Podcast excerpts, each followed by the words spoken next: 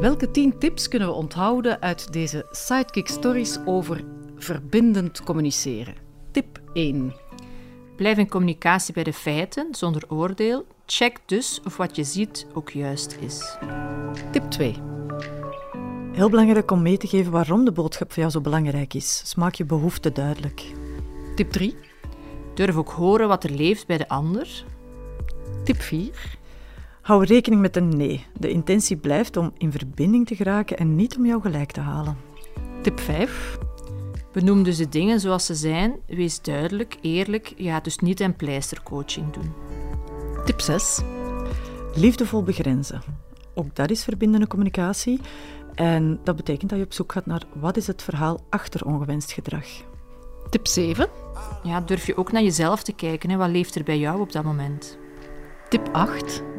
Neem de dingen niet persoonlijk. Als iemand iets tegen jou zegt dat moeilijk is om horen, dat gaat over hem, vertelt jou iets over hem en niet over jou. Tip 9. De relatie doet er echt toe. Eh, we zeggen eigenlijk zonder relatie geen prestatie. Tip 10. Een heel belangrijke, wees mild voor jezelf. Verbindende communicatie is een verhaal van vallen en opstaan en geen toverformule met een quick fix.